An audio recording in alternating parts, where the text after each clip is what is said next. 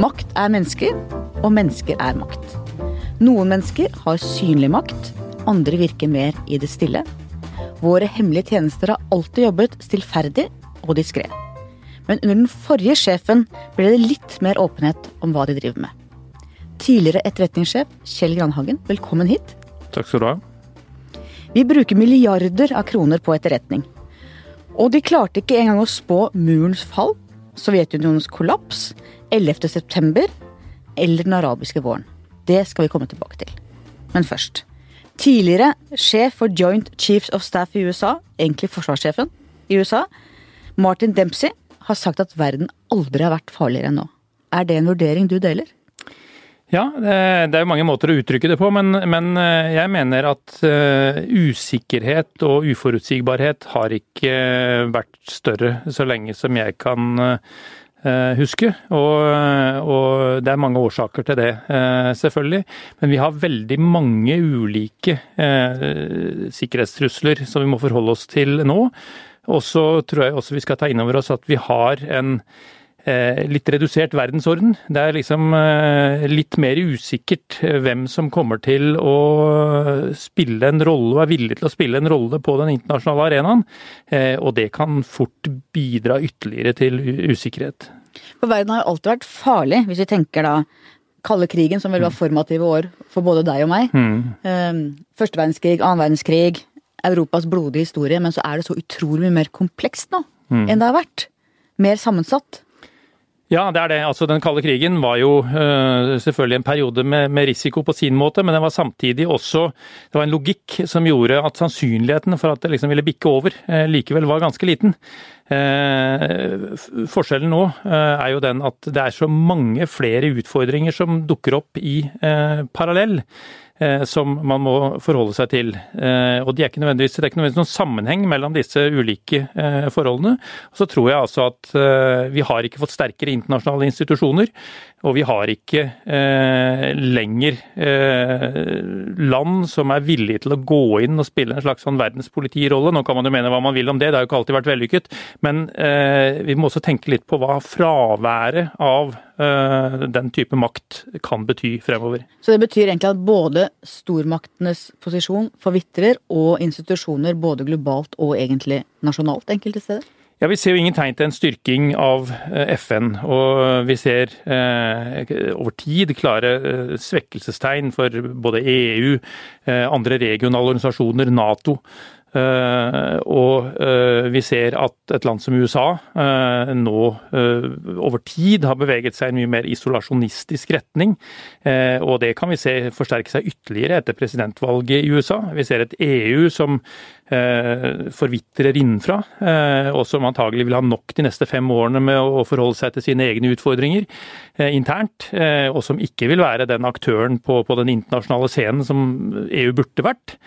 Og så ser vi de nye landene som, som, som er der, da, Kina eh, f.eks., eh, men som ikke eh, er villig til å ta det utenrikspolitiske ansvar som egentlig burde fulgt med det å være en økonomisk stormakt. Så jeg frykter egentlig litt for lite initiativ på den internasjonale arenaen, og for liten vilje til å gripe fatt i konflikter på et tidlig tidspunkt, slik at de kan forhindres.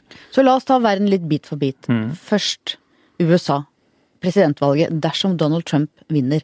Vil han stå fast på de traktatene som USA har inngått? Vil han stå fast på forpliktelsene USA har gjennom Nato, som er veldig viktig for oss? Det er veldig vanskelig å mene noe om, fordi det er jo nettopp noe av det som har kjennetegnet eh, Trumps kampanje. Det at han kommer med en rekke utsagn som det er litt vanskelig å vite om de bare er opportunistiske og tar sikte på å sanke stemmer, eller om han faktisk mener det og har tenkt å uh, gjennomføre det. Eh, så det er, litt eh, vanskelig å vite, men eh, uansett tror jeg vi skal huske på det at det amerikanske politiske systemet er skrudd sammen slik at det er ikke bare én mann som avgjør. Man har en veldig balansering i Kongressen, og mye vil nok tyde på at, selv om det skulle bli en, hel republikansk kongress, så vil den være modererende i forhold til hva en president kan gjøre. Og I tillegg vil han selvfølgelig sørge for å, å skaffe seg en del rådgivere som formodentlig kan hjelpe han til en fornuftig politikk over tid, og han vil måtte forholde seg til de internasjonale realitetene som alle presidenter før han har vært nødt til å forholde seg til. Så, så ekstrem som retorikken har vært, tror ikke jeg at amerikansk politikk blir uansett, men den kan bli veldig annerledes, ikke minst for oss i Europa. Ja, for jeg, som du sier, altså, Det ligger jo i the founding fathers, de som mm. laget den amerikanske konstitusjonen som grunnla det Amerika vi kjenner nå. De laget jo systemet checks and balances hvor man mm. nettopp kan holde ting holde presidenten. Ingen idiot kan ødelegge USA, for det ligger så mye innbakt der. Samtidig så er det på utenrikspolitikken at mm. presidenten har størst fullmakter, og det er det som berører oss mest. Ja. Nei, og, og det er, eh, jeg tror det er helt klart at USA kommer til å akselerere utviklingen mot isolasjonisme under eh, Trump. Eh, det er det ingen som helst tvil om. Hvor langt han vil gå eh, i forhold til både Europa, i forhold til Midtøsten, i forhold til Asia, det gjenstår liksom litt å se. Men jeg tror helt sikkert at vi i Norge vil merke en endring i det utenriks- og sikkerhetspolitiske landskapet hvis vi skulle få en president Trump i USA. Tror du han kan vinne, eller? Hadde du spurt for noen måneder siden, så hadde jeg vært ganske sikker på at det kom han ikke til å gjøre. Eh, sånn som utviklingen er nå. Eh, og så kan både ytre faktorer, sånn som det vi har sett gjennom terrorhandlinger i løpet av sist helg, eh, åpenbart påvirke stemningen i det amerikanske folket. Tenker på bombene i New York, ikke sant? Ikke sant. Og, og, og så er det Hillary, da, som altså av og til er sin egen verste fiende. Og gjør merkelige ting som Og hun har ikke på en måte connectet godt godt med, med, med det amerikanske folket. Så eh, jeg tror situasjonen er vesentlig mer åpen i dag enn den var tidligere, selv om disse statistikerne sier at det er mellom 70 og 80% sjanse for at Hillary eh, velges, og det kan godt hende det er det. Men jeg tror det skal mindre til å velte det lasset nå enn det skulle for en tid tilbake. Det tror jeg er riktig. Jeg har vedda med vår kommentator som nå er i USA, Anders Giæver. To flasker vin har vi høyna til på at Trump vinner. Jeg håper at jeg taper det veddemålet. Men det bygger bl.a. på nettopp at statistikerne de tok jo feil. Alle trodde at Trump ikke ville bli eh, republikanernes kandidat heller. Han har på en måte slått, slått spådommene hele veien. Mm. Og Derfor har jeg også denne uroen med at det kan godt hende at han faktisk når hele veien fram til Det hvite hus. og Det er det, en det er, eh, tanke. Det er ikke umulig, men, men, jeg tror det må, altså noen, det må noen, noen, hendelser til for å bikke det i den retningen. Men, men de er ikke usannsynlige. Og så har vi EU. Hvor bekymra er det for utviklingen? Altså EU er jo både under ytre og indre press. Du har mm. flyktningstrømmen, millioner av mennesker som vil inn i Europa. Og du har indre strid både med østeuropeiske land som ikke ønsker å, å ta det ansvaret som andre europeiske land vil at de skal gjøre når det gjelder å ta flyktninger inn. Og du har økonomisk krise, eurokrise, særlig landene i sør som sliter. Brexit, britene mm. som, som, skal forlate EU nå. Hvordan vurderer du dette i en eh, sikkerhetspolitisk sammenheng. Mm. Det, er, det, er, jo en del som i dag liksom puster litt lettet ut og sier at eh, ja, det, det ble nok så ille likevel at Storbritannia uh, forlater EU. Uh, jeg, tror, jeg, tror, det er mye mer alvorlig enn som så. og det er nettopp fordi at det skjer en tyngdepunktforskyvning i EU mot sør og ikke minst mot øst i EU. Eh, hvor bl.a. Denne, denne blokken av østland, altså eh, de baltiske landene, Polen, eh, Tsjekkia, Slovakia, Ungarn, som preges av litt andre verdier enn det som resten av EU forholder seg til, de har en sterkere posisjon enn de hadde. Og så har du selvfølgelig hele den økonomiske krisen i syd som ikke er over ennå. Eh, og så skapte Storbritannia dette liksom denne, de, de, kastet alt opp i luften, og veldig mye skulle liksom eh, er nå åpent igjen. Resultatet av det tror jeg blir at EU kommer til å bruke de neste fire-fem årene på å være veldig innadvendt, og EU blir ikke en, en, samlende faktor som kan stå opp i sikkerhets- og utenrikspolitisk eh, sammenheng. Og Det tror jeg er farlig i dagens uh, verdenssituasjon. Eh, migrasjon er eh, et sånt eh, spørsmål. Ikke bare selve det å, å liksom, hvordan stopper man den store migrasjonsbølgen, men hva gjør man med den utfordringen der ute i verden over tid? Hvordan forholder man seg til Tyrkia? Tyrkia veldig mye henger på Tyrkia for å få dette til å virke. Kan vi stole på dem? På hvem? Tyrkia? Det er et, et, Tyrkia som har vært i endring eh, over eh, tid. Eh, jeg tror eh, Eh, når man skal forholde seg til Tyrkia, så, så, så, må, så, er det på en måte realpolitikken som må rå i dette. Eh, Tyrkia har valgt det lederskapet de har. Vi er nødt til å forholde oss til det. Og det verste som kan skje for Europa, det er at det blir kaos og et indre kollaps i Tyrkia. Det vil skape en enda mye vanskeligere situasjon enn den man står overfor når det gjelder å håndtere migrasjon eh, og dette. Og Det betyr at det fordrer klokskap fra europeiske ledere for å finne det balansepunktet. Tyrkia trenger Europa og Tyrkia trenger USA. Russland og andre øh, land kan ikke erstatte det på noen som helst måte for Tyrkia. Så Tyrkia trenger eh, de eh, trygge omgivelsene som de har i dette.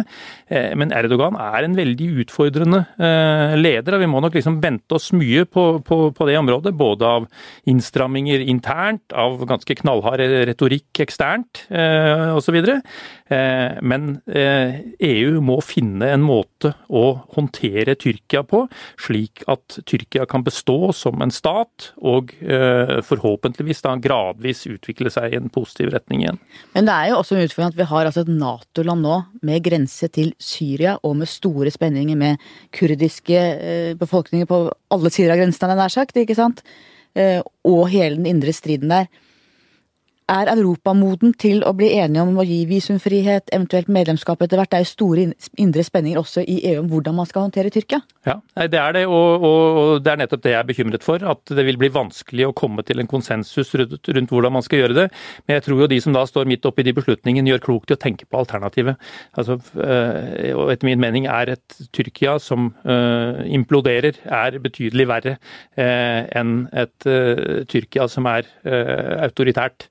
Eh, og Så får man finne en klok måte å håndtere det på fremover. Men det er klart, Tyrkia har ikke gjort dette enkelt, for de har altså skaffet seg alt som kan tenkes av fiender, både eksternt og utenfor landets grenser, og innenfor landets grenser. Eh, så de har en kjempevanskelig eh, situasjon å håndtere selv også. Så det du egentlig sier er at man må gi mer slack eller gi mer konsesjoner til Tyrkia enn det EU ville gjort i en annen sammenheng?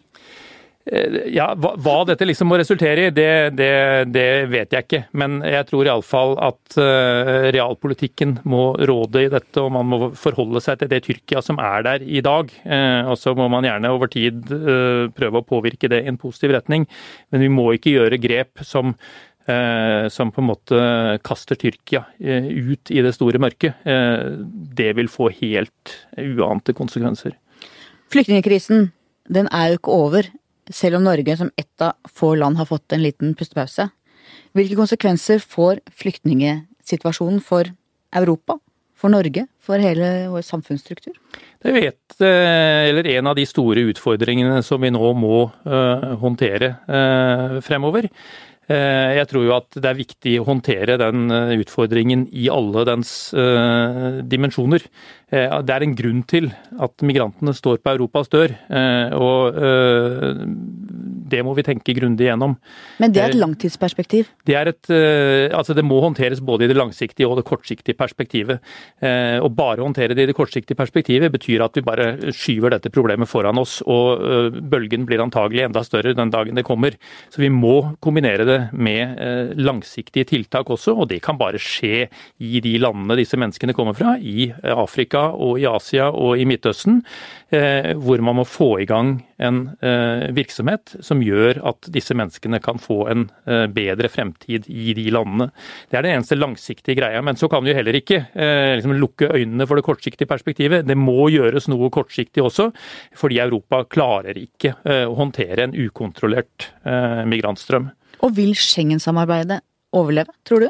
Ja, Det er vanskelig å si. Jeg tror ikke jeg er den som, som er best uh, skikket til å, å, å, mene noe det, om det. Men, men uh, hvis ikke Europa er i stand til å etablere og håndheve et felles regime eh, rundt hvordan man skal, eh, skal, håndtere dette, så vil jo bare enkeltland bli utfordret i tur og orden, og det hele vil bli veldig mye vanskeligere. Så man er nok avhengig av å finne en felles løsning, men igjen så er det blitt vanskeligere fordi, som jeg nevnte, tyngdepunktet i Europa er forskjøvet, og det er i betydelig grad land som egentlig ikke har følt dette så veldig tett på kroppen av de østeuropeiske landene, som nå har en sterkere stemme i dette.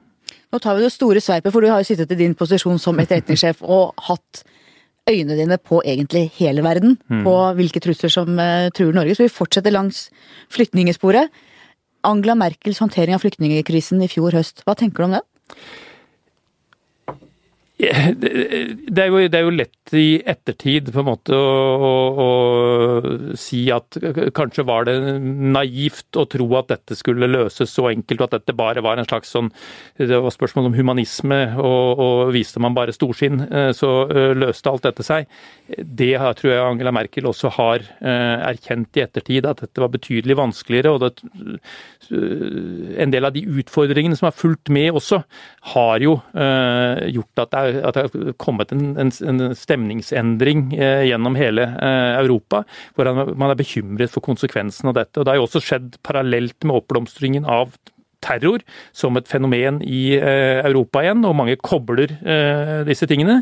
Det var kanskje ikke like lett å se da Merkels politikk ble etablert. At den var gjort ut fra de beste, edleste hensikter, er det ingen som helst tvil om. Eh, I ettertid så har det skapt en del eh, utfordringer, og så gjenstår det å se om dette blir et vedvarende eh, problem som må håndteres utover. I så fall må det nok sterkere lut til for å også sikre oppslutning om politikken i de ulike landene. Dette er jo ikke noe man bare kan tvinge gjennom, det er faktisk avhengig av at menneskene som lever her, aksepterer den politikken som kommer. Så da må det nok i så fall sterkere begrensende tiltak til. Ja, for Vi ser jo at ytterfløyene nå styrker seg i Europa. Mm. Det er ikke noe vakkert bilde? Det er ikke noe vakkert bilde. Og, og eh, det er jo en trend vi ser i, i, i, veldig mange land i tur og orden, og som kobles sammen med mange andre faktorer. Det er ikke bare migrasjon som, som driver dette, men det er eh, nasjonalisme. Eh, det er, det er en del andre effekter som egentlig står veldig kontrært til det Europa trenger i øyeblikket. For det vi trenger er jo handlekraft og evne til å håndtere disse problemene som ikke kan håndteres på nasjonalstatsnivå, men som må håndteres øh, overnasjonalt. Eh, der har jo vi i Norge egentlig bare sittet på utsiden av akvariet og tittet inn gjennom ganske mange år og, og synset og ment om dette. Nå får vi på en måte se konsekvensene av et svakere EU, et svakere Europa, og se hvordan det faktisk også påvirker eh, vår egen situasjon. Og det kan være en tankevekker, tror jeg. Ja, og jeg syns det er forsmedelig at vi sitter utenfor og ikke får være med og, og påvirke og være med og prøve i hvert fall å forme de svarene som du etterlyser. Ja. Men den kampen tapte vi i 94. du har levd eh, voksenlivet ditt i Forsvaret. Eh, slagordet til Forsvaret er 'for alt vi har og alt vi er'. Jeg syns det er et fantastisk slagord. Hva legger du i det? Hva har vi, og hva er vi? Forsvaret er jo, er jo, samfunnets redskap for å øh, verne om landet vårt. Verne om demokratiet vårt, om det verdigrunnlaget som vi øh, bekjenner oss til. Og nå er det lenge siden det var krig om norsk territorium. Vi minnes om, om det i dag når vi ser filmen 'Kongens nei'. Men, men, det er ganske fjernt for de fleste av oss. Men eh, vi må huske på at det er egentlig statens viktigste oppgave. Det er å verne om landet vårt og verne om disse eh, grunnleggende verdiene. Og det forutsetter et sterkt og relevant forsvar for å møte eh, den type utfordringer som vi kan stå overfor. Og det er jo ikke noe statisk bilde, det endrer seg jo selvfølgelig fortløpende, og det må gjøres endringer i det. Men at vi må ha et relevant nasjonalt forsvar for å håndtere det, det er ganske åpenbart. Den gruppen som kanskje har størst respekt for krigens alvor, er jo nettopp soldater og offiserer, for de vet hva krigen er. Tar politikerne av og til for lett på det, eller? Nei, men vi har ikke hatt noen tradisjon for noen veldig god eh, forsvarsdebatt i dette landet vårt. Det har vært i stor grad politisk konsensus om hovedlinjene i det, og det tror jeg også har kvelt litt debatten og engasjementet nedover. Eh, heldigvis syns jeg i disse dager vi ser et sterkere engasjement eh, rundt det. Men det er viktig at det engasjementet dreier seg om forsvarsevne. Det blir mye distriktspolitikk. Ja, det, det, når det igjen dukker opp, og, og spesielt når noen liksom prøver å kombinere forsvarsevne og distriktspolitikk for å, å, å styrke aksjeverdien, syns jeg det blir litt, eh, litt sørgelig. For vi trenger eh, debatten om reell eh, forsvarsevne, og der har det skjedd endringer over tid. Eh, Nato er et annet enn det vi gikk inn i 1949. Og, og bildet i dag er slik at Norge forventes å ta et sterkere ansvar selv for egen sikkerhet. Bør vi opp på 2% Ja, etter min mening burde Hvis det er noen land i eh, denne alliansen som faktisk har økonomisk bæreevne til 2% og som også er i en eh, geografisk sikkerhetspolitisk posisjon som gjør det nødvendig, så må jo det være Norge. Eh, og 2 Da snakker vi om 2% av bruttonasjonalprodukt, som er ja. det målet som Nato har satt. Ja. At dette er noe alle landene som er medlemmer bør bruke på sitt forsvar. Så vi bør iallfall dit eh, etter hvert. Altså Vi kommer ikke dit over dagen, og ingen er i stand til å ta en sånn økning over, over, over i løpet av kort tid. Men at det må legges eh, realitet i å eh, prøve å komme dit, det mener jeg absolutt. Nå har det vært stor debatt om forsvarsplanen. Du har jo bakgrunn fra Hæren. Hmm. Hvor mange soldater på bakken trenger vi egentlig? Ja, det, der kan man sikkert få mange tall, avhengig av eh, hvem man spør. Men, eh, men siden du nevner da regjeringens langtidsplan, så må jeg si at det som jeg syns er den store svakheten ved den planen, det er jo at man ikke tar stilling til hva slags landforsvar man skal ha. Er det feighet, eller er det lurt? Det er, det er formodentlig et utslag av økonomiske realiteter i sluttbehandlingen av den langtidsplanen. Eh, og hvor man ikke eh, evnet å håndtere det.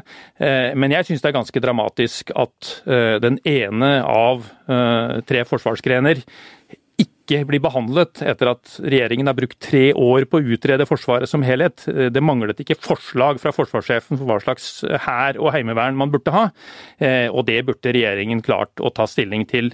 At man nå skyver dette for seg, foran seg med en ny utredning, eh, syns jeg er en veldig svakhet ved selve eh, planen. Og da er vi tilbake ved 2% hvor VG på lederplass vi argumenterer alltid for en veldig ansvarlig politikk, handlingsregel osv. Men vi sier at hvis det er noe du må bruke penger på, nok penger på, så er det jo Forsvaret. Samtidig som du er en kjent at Forsvaret har jo sløst ganske mye opp gjennom åra. Det har jo vært en litt sånn ehm, eh, det er mye investeringer som har vist seg ikke være verdt noe, så politikerne er kanskje litt sånn tilbakeholdne med det. Men du må jo bruke de penga som trengs. Ja, også, også også det, det, er helt sikkert uh, en del uh, beslutninger som etter, i ettertid har vært reversert, og, og, og, en del pengebruk i den forbindelse som det kan, kan rettes kritikk mot. Men det som er utrolig viktig for Forsvaret, er at det er, trekkes opp en langsiktighet. det er nok en del utgiftsposter over statsbudsjettet som du liksom kan håndtere fra år til år, og kanskje gjennom tre-fireårsplaner og sånt noe. Men de beslutningene du tar når det gjelder Forsvaret, de gjelder i en 30-40-årsperiode område, for det er det som er levetiden på det dyre materiellet du eh, investerer i, og i de strukturene du bygger opp gjennom utdanningssystemer og trening og alt dette. Så Forsvaret må ha en langsiktig eh, forutsigbarhet eh, for det som skjer, og det er derfor vel så viktig det en regjering sier om 20-årsperspektivet eh, som det man uh, sier i tre-fireårsperspektivet uh, fremover. Det jeg syns er utrolig vanskelig med den forsvarsdebatten, er at det er så mange agendaer, og du er i tvil om hvem er det som taler på vegne av sin egen militære gren, sine mm. egne jobber, hvem er det som taler på vegne av sitt distrikt, hvem er det som taler på vegne av nasjon, forsvaret, og som regel er det kanskje litt av alt i de forskjellige som uttaler seg. Men jeg syns det er vanskelig å, å, navigere i den debatten, for du vet ikke helt hvilke agendaer folk egentlig har. Ja, Nei, og, og, og, Derfor så svarte jeg heller ikke på spørsmålet ditt hvor mange soldater Norge burde ha. For jeg, jeg, har ikke noe lyst på en måte å gå inn og være den som beskriver hva det skal være. Men det jeg syns er eh, betenkelig, er altså at man ikke klarer å ta stilling til hva slags uh, landforsvar man skal ha. Det, uh, det er for meg litt uforståelig. Du har brukt store, store av livet ditt til å forsvare Norge. Eh, hva er det som har drevet det? Det var et intervju med spionjegeren Ørnulf Tofte nå nylig i Dagbladet, hvor han snakker om den der intense følelsen av tjenesten for landet. Hva er det som har vært drivkraften din? Altså, Jeg har jo både en, en, bestefar og en far som var i Forsvaret. Og, og øh, det vil nok mange liksom tro at da blir du automatisk eh, innlogget i det. Jeg tror ikke det var sånn. Eh, jeg tror nok jeg ble drevet av mer idealistiske motiver enn som så. Og jeg var veldig samfunnsengasjert uh, Med Unge Høyre? I, ja, i, i ungdommen. Og, og, var opptatt av Norges sikkerhet. Og det var en annen tid, det var den kalde krigen. Uh, truslene ble følt mer uh, reelle, og jeg hadde lyst til å gå inn i dette. Lyst til å skaffe meg en lederutdannelse. Og så trivdes jeg så godt med det at jeg ble der, og ble der i nesten 43 år. Du har hatt stort ansvar, større enn de fleste. Du har hatt ansvar for menneskeliv, og for mennesker som trenes i å ta menneskeliv. Hva tenker du rundt det ansvaret? Nei, det er, et, det er jo et tøft ansvar, og det krever jo at du må ha et, et etisk fundament for det du driver med. Det er ingen som Eh, liker eh, å ta menneskeliv, selv om det er i selvforsvar. Eh, og de kulturene må vi på enhver måte bekjempe dersom de dukker opp. Men det å få inn i den grunnleggende treningen og få det inn i ryggraden til de menneskene man skal sende ut i krevende oppdrag, alvoret i det de gjør, presentere dilemmaene de står overfor, Eh, og eh, få dem til å forstå eh, hvordan ulike former for maktbruk virker, det er utrolig viktig. Men det har også vært veldig inspirerende å gjøre det. Jeg har hatt gleden av å Eh, reise også ut og, og, treffe de soldatene. Jeg, først, og fremst har jeg også fått lede soldater ute i operasjoner, men jeg har også vært ute og besøkt folk som jeg har trent opp for å dra ut. Eh, og, og det å treffe dem og snakke med dem og nettopp uh, se hvor reflekterte de er rundt dette, det gir meg tro på at vi lykkes med å finne de, de, de krevende balansepunktene der. Og Norge er kjent for å ha gode soldater. Vi hadde besøk for noen år siden da mitt minste barn var, lå i barnevogn. En amerikansk offiser som hadde vært mye i Afghanistan, og dette var på vinteren. Og da lå denne lille babyen ute i vogna, det var ti kuldegrader, og han var helt sjokkert. Men så sa han men nå skjønner jeg! Dere begynner jo allerede når det er babyer!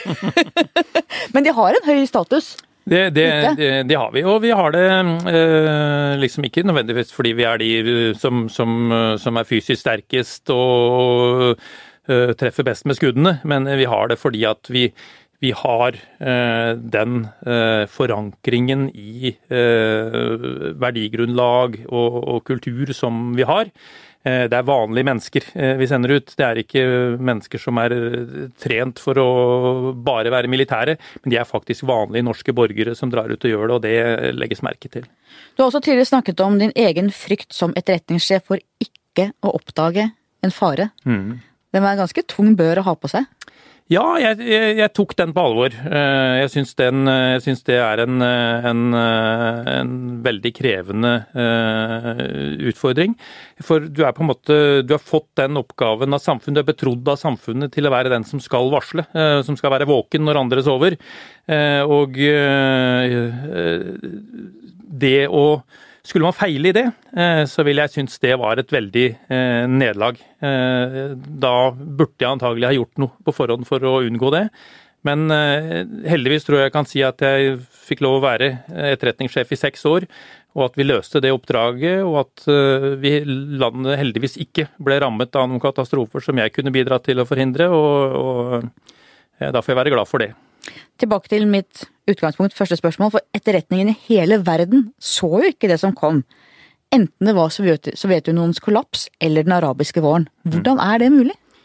Ja, det er eh, Altså, hadde det vært slik at etterretning var en eksakt uh, vitenskap som matematikk, hvor man legger sammen to tall og får et svar, så var det veldig enkelt. Men etterretning må forholde seg til veldig mange ulike uh, faktorer som spiller inn. Og eh, det er jo heller ikke slik at etterretningstjenester har en absolutt innsikt i alle mekanismer som beveger seg liksom, i de områdene man uh, holder uh, oppsyn med. Nå tror jeg nok generelt at etterretningstjenester har oppdaget uh, mer enn folk flest er klar over. Og at det f.eks. er ganske mange Eh, potensielle hendelser som kunne berørt både eh, Europa og Vesten og Norge, som har blitt oppdaget og som man har kunnet gjort noe med i tide. Og ikke minst har man sørget for å holde myndighetene eh, informert på et så tidlig tidspunkt at gode politiske beslutninger kunne tas. Så, så historikken er nok bedre enn noen av disse eksemplene viser. Men jeg syns det er veldig godt å, å, ta det med seg, for det, det betyr også at uh, vi må være ærlige på det, og de som skal bruke etterretning må forstå at det er ikke alle Uh, ting som kan skje, som en etterretningstjeneste er i stand til å varsle i tide. Det slående med Midtøsten fram til den arabiske våren var jo nettopp stabiliteten. I den forstand at det var autoritære, stabile ledere som hadde sittet i flere tiår. Ja. Og så er det klart det putra under der, men det var så undertrykt at det var uh, ja. Jeg skal gi deg den, altså. Så Samtidig så, så, så, ser vi i dag at både i, både i land som, som, Russland og Kina, eh, så har man nok liksom eh, eh, sett på det som har skjedd i Midtøsten eh, med bekymring. Og tenkt at eh, kan det skje med autoritære regimer der, så kan det altså på gitt visse rammebetingelser skje andre steder. Etterretningen, hvor mye av det er det som er som i filmen, og hvor mye er helt ulikt. Det er jo laget spionfilmer og dramaer, og det er en verden som er veldig tiltrekkende for oss utenfra. Det ser jo litt kult ut, da. Ja. Nei, det, det, er, det, er, absolutt uh, uh, mye spennende som skjer innenfor uh, etterretningsområdet. Men det som fascinerte meg mest med det, det var på en måte dette puslespillet som man skal legge sammen av ulike informasjonsbiter for å skaffe seg et helhetsbilde. både det å finne disse puslespillbitene, som ofte er godt skjult. Uh, og det å så legge dem sammen og trekke de riktige slutningene, det, det syns jeg var det mest uh, fascinerende med det. Og så har det av og til noen sånne høydepunkter som, som er ekstra spennende, men det snakker jeg ikke så mye om. det har vært gøy å få vite. det er mystikk og hemmelighold også overfor de nærmeste. Du traff jo kona di da du gikk i videregående, mm. Angum, og dere holder fortsatt sammen. Det gjør vi. Eh, men hvordan preger det et ekteskap at det er så mye hemmelighold?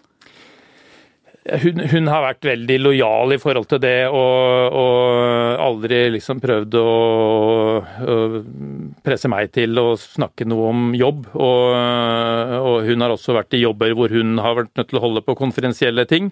Så eh, jeg tror vi har, har hatt en grunnleggende enighet om at eh, det snakker vi ikke om hjemme hos oss, og så får vi heller snakke om andre ting og hygge oss med, med annet. Og det har vi funnet uh, at det er mulig, så det, det, det har nå gått, det òg. Men det er jo da en veldig viktig del av livet ditt, eh, for jobben er en veldig mm. viktig del av livet, som du ikke kan dele med den nærmeste, da. Ja, nei, og det er, en, eh, det er en viktig del som jeg aldri kan dele med noen. Eh, mm. Så det er, det er helt greit, og det har jeg innfunnet meg med. Er det et problem for andre tjenestene? Altså er det, er det et problem man snakker om og har eh, samtaler om internt ja, altså Norsk etterretningstjeneste har en veldig god tradisjon i dette. Det, er, eh, det, har nesten ikke skjedd at ansatte i etterretningstjenesten har gått ut og uh, snakket om det de har vært med på. Hvis, hvis det har skjedd, så har det, tror jeg liksom aldri vært de store, alvorlige uh, tingene som har kommet ut på den måten. Uh, men det er en kodeks i den tjenesten som kommer inn fra første dag du begynner der. Og eh, det ville bli oppfattet som veldig veldig illojalt å bryte den kodeksen. Men det betyr vel også at man da internt i tjenesten får kanskje en enda sterkere fortrolighet, enda sterkere bånd, nettopp fordi at det bare er der du kan snakke om det som ligger deg på hjertet i jobbsammenheng? Eller det som opptar deg? Ja, det, det, det, er det. Og det er, en, det, er, også som en slags familie eh, i, i, uh, i, i, den sammenhengen. Men uh, også, får jeg føye til, veldig kompartmentert der. Altså det, det, er, det, er, ikke slik at alle som jobber i en etterretningstjeneste skal vite om alt som foregår der. Det er. Det, er eh, absolutt need to know, og veldig strengt eh, delt eh, i forhold til det behovet du har. Det er dilemmaer altså på det personlige plan, og også på det prinsipielle. Den store nøtta nå er vel å finne riktig balanse mellom nødvendig overvåking og personvern. Ja, det er jeg enig i. Og Eh, nå, nå, tror jeg at noen gjør det vanskeligere enn nødvendig å finne den balansen. Eh, jeg syns av og til det der problematiseres helt inn i det hinsidige. Eh, jeg tror faktisk det er enklere enn man skulle tro. Eh, og, eh, og, jeg tror utgangspunktet må være det at eh, myndighetene våre har et ansvar for å beskytte samfunnet mot den type trusler vi står overfor. Og Det trusselbildet er i endring. Så De som tror at vi kan beskytte samfunnet vårt med det samme type tiltak som vi brukte på 60-tallet, de har ikke skjønt dette i det hele tatt. Vi er nødt til å følge med i denne utviklingen, vi er nødt til å finne tiltak eh, som er tilstrekkelige til at folk i Norge kan føle seg trygge, eh, rimelig trygge hver eneste dag. Så er det selvfølgelig også personvern og hensyn til den enkeltes frihet og alt dette som må legges inn i det. Eh, jeg er helt sikker på at det er mulig å finne løsninger på det. Jeg syns vi fikk illustrert det bare for et par uker siden, eh, da dette Lysne II-utvalget la frem sin innstilling om det de kaller for digitalt grenseforsvar, eh, som altså sier at de ville aldri gått inn i en anbefaling hvis de ikke var helt overbeviste om at det var mulig å ivareta enkeltmennesket i de løsningene de anbefaler. Så ser vi at interesseorganisasjoner på personvernsiden, og ikke minst en del av dere i mediene, er veldig, veldig skeptiske til det. Jeg skjønner for så vidt skepsisen. Men eh, vi må også ta inn over oss at noen må våge å ta de beslutningene som gjør at vi er trygge i dette landet. Mye har blitt lettere med teknologisk utviklingen, og mye har blitt vanskeligere. Du har kryptering, du har de lukkede rommene. Og er det sånn at skurkene alltid ligger et hakk foran, både når det gjelder teknologi, men også når det gjelder lovgivning og politiske prosesser for å møte det som dukker opp av nye ting? Ja, vi er, vi, er, eh, vi er, sårbare, og ikke minst gjelder jo det i det digitale rom i forhold til de truslene som vi står overfor der. Eh, vi ønsker et så åpent samfunn som mulig, og vi ser at vi gjennom internettet forbindes med hverandre på stadig nye måter. Teknologien går veldig fort. Og de endringene utnyttes eh, av både kriminelle, men det utnyttes også av stater som bruker dette eh, til forskjellige formål. Og, og det er nok riktig at vi måtte løpe litt etter eh, den utviklingen med de som skal prøve å forhindre at skadene skjer. Ikke uenig i det. Muslimske verden fra et etterretningssynspunkt, kan det bli fred i vår tid, eller står vi overfor en hundreårskrig i Midtøsten? Ehm, jeg tror det at, eh, at, under de pågående konfliktene i Midtøsten, så ligger det noen eh, konfliktlinjer eh, som kommer til å være med oss ganske lenge. For det første så er det konflikten mellom de som har og de som ikke har i Midtøsten. Og Det er både internt i land og det er mellom land. Eh, veldig urettferdige systemer eh, som eh, kommer til å generere konflikt over tid. Det er det ene. Det andre er de etnisk-religiøse konfliktene. Ta kurderutfordringen. Altså Kurdere, de 30 millioner kurderne i verden, kommer ikke til å være fornøyd før det er en stat som heter Kurdistan. Som de jo ble lovet i forbindelse med første verdenskrig, og aldri fikk. Ja, men, men, det er ikke bare den utfordringen der. Det er, det er en god del slike uh, utfordringer som følge av at man trakk rette linjer på kartet, uh, og ikke forholdt seg til demografien slik som den var. Men så er det også selvfølgelig den grunnleggende konflikten mellom sunni-islam uh, og, og, og shia-islam. Sjiaene, minoritet, ca. 10% av den muslimske befolkningen i verden, føler seg skviset eh, og eh, gjør det de mener er nødvendig for å beskytte eh, seg. Sunniene ser det på stikk motsatt måte. De føler en trussel om undergraving fra disse kreftene, og den konflikten ligger der.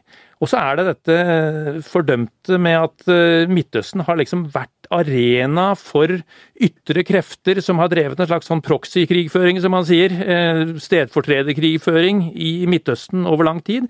Der har eh, Sovjetunionen hatt interesser, der har USA hatt interesser. Der har de store landene i regionen hatt interesser og spiller eh, gjennom de små statene. Og disse linjene kommer til å ligge der som grunnlag for konflikt over veldig lang tid. Så jeg er ikke veldig optimistisk over, i forhold til den langsiktige utviklingen i Midtøsten. Jeg tror vi kommer til å se det som et konfliktområde veldig lenge. Hvis du ser på energipolitikken med USA som er i ferd med å bli selvforsynt med energi, og dermed kan du tenke deg trekker seg mye mer ut av Midtøsten, vil mm. det være et konstruktivt bidrag, eller vil det virke negativt for Midtøsten de neste tiårene?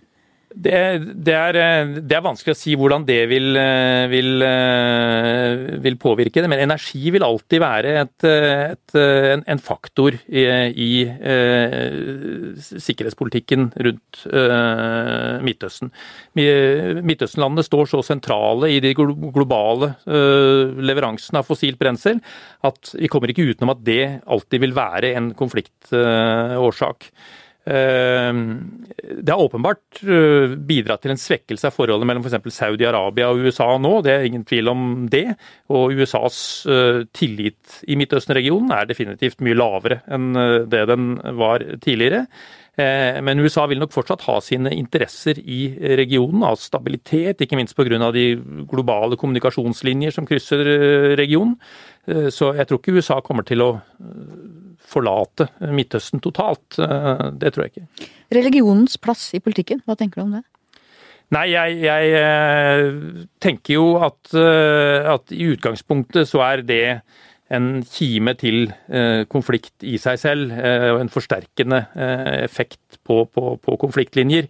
Og at der man kan klare å skille religion og politikk, og, og, og ha en mer sekulær tilnærming, så er det bra.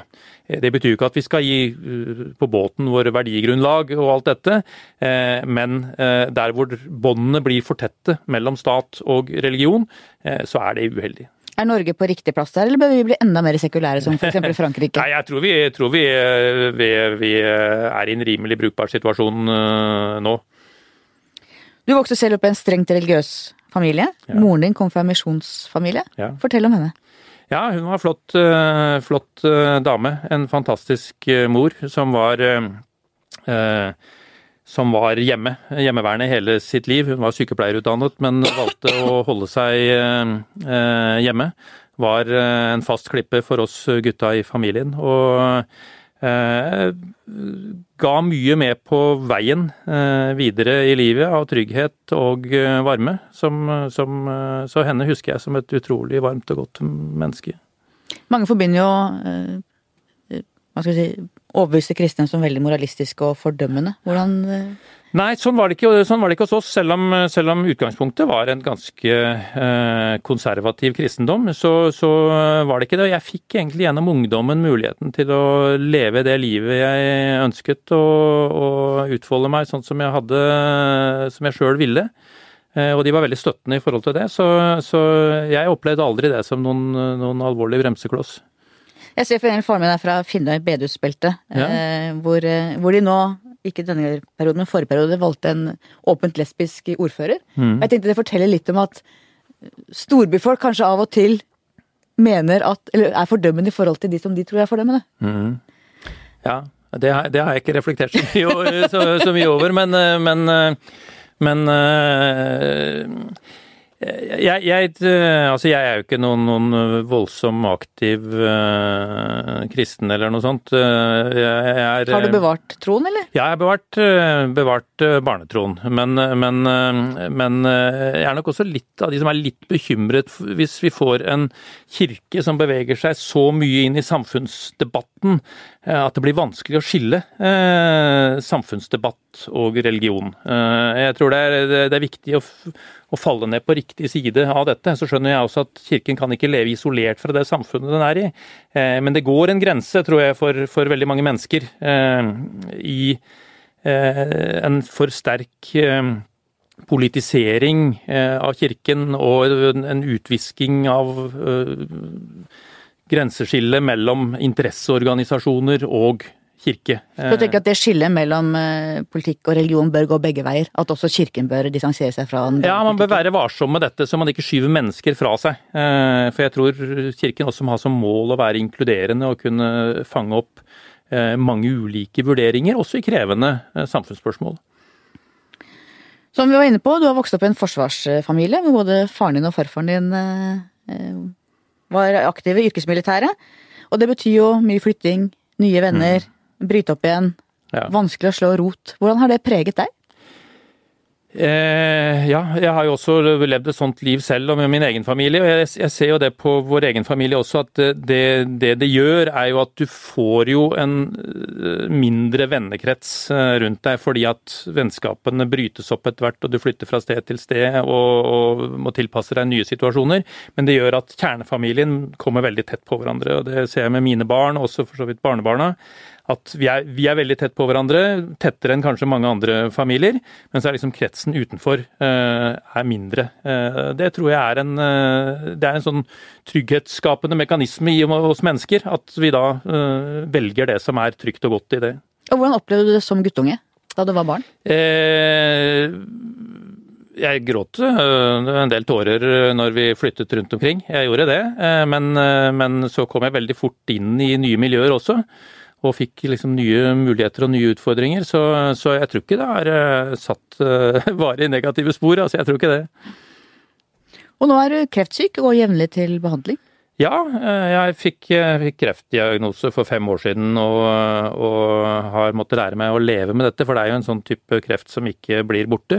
Den kommer til å være med meg. Og jeg får si at jeg har fått utrolig god behandling for det på, i helsevesenet i Norge. Jeg er ikke av de som skriker negativt ut om, om norsk helsevesen. Jeg har fått en enestående behandling. Eh, så, så, så, går det litt opp og ned. Eh, I perioder så, så eh, lever du et helt normalt liv, og så må du av og til innse at du må bremse opp litt for at, at du trenger behandling. Blir du redd, eller? Nei, altså da jeg fikk diagnosen første gangen, så, jeg, så tenkte jeg søren, nå skal jeg liksom dø så tidlig. Og, og, og tenke på alt jeg hadde lyst til å gjøre, og barn og barnebarn og alt dette her sånn. Eh, men så kom jeg meg raskt over det og, og, på en måte sagt at okay, det er noen realiteter du må leve med i livet, og dette er mine realiteter, og så får jeg gjøre det beste ut av det. Og jeg har jo fått utrolig oppbacking fra familien, og jeg har fått, uh, fått uh, utrolig oppbacking fra kolleger, og, og, hatt viktige, spennende ting å holde på med. Og det har også holdt liksom, sykdommen litt på, på armlengdes avstand. Blir livet mer intenst?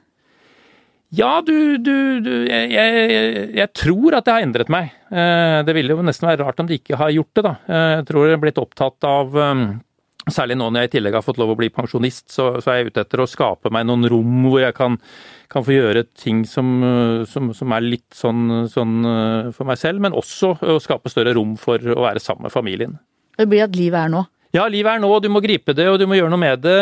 For du vet liksom aldri helt hvor, hvor, hvordan morgendagen blir. Eh, så, så eh, eh, Og jeg syns for akkurat nå syns jeg egentlig jeg har et godt liv. Så bra. Og nå er du altså begynt å jobbe i bank. Åssen er det å være bankmann? Ja, det, Jeg teller ikke så mye penger. Det, det helt fantastiske er jo at jeg får lov til å å gjøre en eh, Altså bruke litt av den kompetansen jeg har opparbeidet meg gjennom livet, eh, i bl.a. innsikt i, i, internasjonale spørsmål og, og sånt noe, som, som, norsk næringsliv eh, etterspør. Så jeg jobber en del både internt i DNB og i opp mot bankens kunder, og formidle vurderinger rundt det. Eh, og det, det, andre fine med det er jo at eh, det gir meg mulighet til å holde meg oppdatert fortsatt. Så jeg bruker mye tid på medier og lese analyser, eh, snakke med folk. For å, å være oppdatert, og det er iallfall for meg veldig veldig tilfredsstillende. Og nå har du nettopp vært i Kina. Var du spent på om du med din bakgrunn ville få visum? Jeg, jeg, jeg, jeg, håpet jo at jeg ville få det, og, og, jeg får si at jeg hadde ingen utfordringer i det hele tatt eh, under min reise i Kina sånn sett. Og, og fantastisk spennende å få komme til dette landet. Jeg har lengtet etter å komme til Kina egentlig gjennom hele livet. En av de eh, to do-ting som jeg hadde bestemt meg for at dette må jeg prøve å få gjort. Eh, og det å stå på den kinesiske mur og det å, å sykle på Den himmelske freds plass og kikke seg rundt, det syns jeg var utrolig eh, moro. Eh, og så fikk jeg også gjennom, eh, gjennom DNBs kontakter en mulighet til å møte kinesisk næringsliv. Og ikke minst se hvordan Kina er i ferd med å utvikle teknologi som er ganske banebrytende. Så de som, som ser på Kina utelukkende som et land som kopierer andres løsninger, de har sovet noe i timen. Kina er kommet lenger enn som så. Tar Kina over, eller? Som verdenshegemon? Altså Kinas, eh, Kinas, eh, utfordring er jo at det liksom beveger seg med flere hastigheter uh, samtidig. Den private sektoren i Kina er jo utrolig fremadstormende og finner løsninger. Både for det kinesiske markedet, men også til dels for eksport. Eh, men så har Kina også samtidig en svær klamp om foten med en stor statlig industrisektor, eh, med tungindustri og annet, som sliter mye mer, og hvor gjeldsbyrden er høy. Og det er jo det som skaper usikkerheten rundt eh, kinesisk økonomi fremover. Men jeg er jo mer opptatt av politikk og Kina enn akkurat økonomi. Så, så... Men det henger jo sammen, for det er mitt neste spørsmål. Kan et samfunn som ikke er et fritt demokrati, stige høyt nok opp, eller de, kan de klare å bli vellykket med sin samfunnsutvikling, så lenge de ikke har ytringsfrihet, organisasjonsfrihet, alt det som vi tar for gitt? Eh, det er jo liksom det store eh, spørsmålet. Og, og jeg tror jo den, den, utfordringen vil treffe Kina mer og mer i årene som kommer. For hvis man vil være verdens ledende økonomi og også liksom vil, vil være en slags supermakt på andre områder, så er det vanskelig å stenge eh, grensene og stenge ute all interaksjon med resten av eh, verden. Så eh, over tid tror jeg Kina vil oppleve den utfordringen, og det vil også oppleve den utfordringen at en, en, en befolkning som blir vant med eh, velstandsvekst, Eh, vil også stadig stille nye krav. og Jo høyere du kommer opp på behovspyramiden, eh, jo nærmere kommer du en del eh, verdier som demokrati og ytringsfrihet og, og slike ting. Så Kina kommer ikke utenom å måtte møte den dimensjonen. De er ikke der enda at dette er et veldig sterkt press, men det skal mye til at det ikke kommer på et eller annet tidspunkt, slik som jeg ser det. Vi nærmer oss slutten. Skal du dra til Paris og spille saksofon snart? Oh får jeg det spørsmålet her også. Alltid. Uh, ja. Nei, den, eh, den, ideen er uh, definitivt uh, gravlagt. Ikke det at jeg har gravd ned saksofonen, den, den står i kjelleren. Spiller du, eller? Nei, jeg har ikke hatt den fremme på, på, på flere år. og og jeg kommer ikke til å bli gatemusikant. Men dette var et utslag av en uh, veddemål med min datter i sin tid, som syntes veldig synd på gatemusikantene i Paris når vi bodde der. Uh, og jeg måtte si at egentlig har de det ganske bra, for at franskmennene er veldig flinke til å slenge en slant til uh, gatemusikanter, og spesielt de som er gode. og jeg, jeg, hadde egentlig da tenkt å bevise at det faktisk var mulig å leve av det. Men, men nå har de innført audition for alle som skal være gatemusikanter på metroen i Paris. Det var jo litt flaks for deg, da. Det, det kommer jeg aldri til å passere, så det det, det blir jeg ikke. Nei. Helt til slutt, mitt faste spørsmål. Hva skal bli historien om deg? Kjell Grandhagen, det var han som oh. Nei, eh, eh, jeg håper jo at jeg vil bli husket for å ha gitt noen viktige bidrag til eh, det norske samfunnet. Eh, jeg håper det i all eh, i all ærbødighet, eh, eller uærbødighet. Eh, jeg, jeg syns jeg har hatt en del viktige jobber, fått lov til å gjøre en del eh, viktige ting. Eh, ikke minst perioden som etterretningssjef syns jeg var viktig. Jeg ble Noen vil kanskje huske meg mest for at jeg var mer åpen i den perioden enn kanskje det som har vært vanlig tidligere. Jeg håper jo egentlig at ettermælet mitt kanskje blir at jeg, at jeg bidro til å en, gi landet en enda bedre etterretningstjeneste, en enda bedre evne til å uh, sikre samfunnet vårt, uh, beskytte oss mot uh, ytre trusler. For jeg tror faktisk at jeg tilførte noe der. Så det håper jeg. Og du har jo hatt en av Norges viktigste jobber. Det tror jeg vi kan være enige om. Takk skal du ha. Tusen takk for at du kom. Takk skal du ha. Takk til deg som hørte på. Del oss gjerne på sosiale medier. Takk til Magne Antonsen, vår faste produsent. Vi høres igjen neste uke.